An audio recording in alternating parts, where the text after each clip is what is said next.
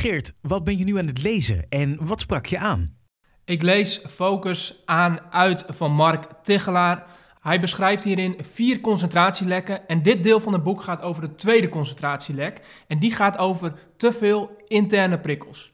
En over dat stuk schrijft hij het volgende. Dit gaat trouwens over het minimaliseren van taakwisselingen. Hier komt de quote.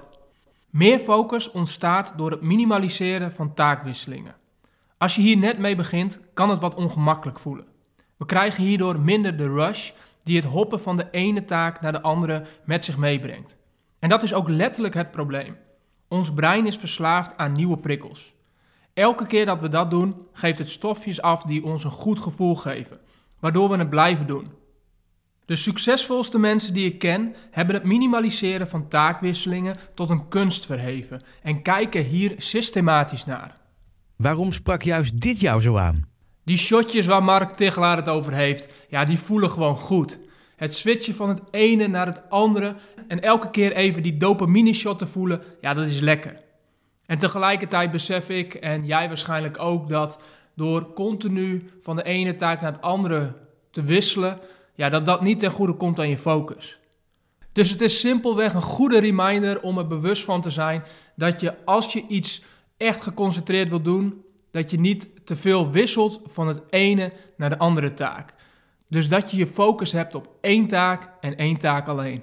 Hoe zie je dit in de praktijk? Nou, in het boek vind je verschillende voorbeelden van hoe je dit principe kunt vertalen naar de praktijk. En uh, Mark Tichelaar geeft daarin een aantal praktische tips, zoals bijvoorbeeld het werken met themadagen.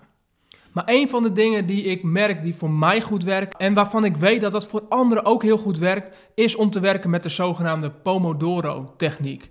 Het is een techniek die ik tijdens de leiderschapstrainingen ook overbracht op managers en teamleiders. En die vaak heel positief werd ontvangen, omdat het je focus vergroot en je productiviteit enorm toeneemt. Het past ook daarbij heel goed bij wat Mark Tichelaar dus beschrijft. Zorg ervoor dat je minder taakwisselingen hebt zodat je concentratielek nummer 2 voorkomt. En dat is dat je te veel interne prikkels ervaart. Dus ik deel even kort met je wat de Pomodoro-techniek inhoudt. Het bestaat uit een aantal stappen. Allereerst besluit je welke taak je gaat doen. Dus je kiest welke taak je doet. Vervolgens stel je een timer in op 25 minuten. En je werkt 25 minuten lang vervolgens aan die gekozen taak. En je laat je niet afleiden, Tip daarbij is om je telefoon op vliegtuigmodus te zetten. En na die 25 minuten neem je een korte pauze. Elke keer doe je dat vervolgens weer. En na de vierde keer dat je deze taak doet, voor 25 minuten, neem je een langere pauze. Van zo'n 15 tot 30 minuten.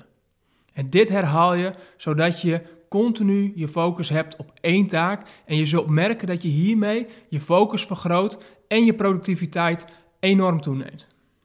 Ik zou zeggen, probeer dat gewoon een keertje uit voor jezelf.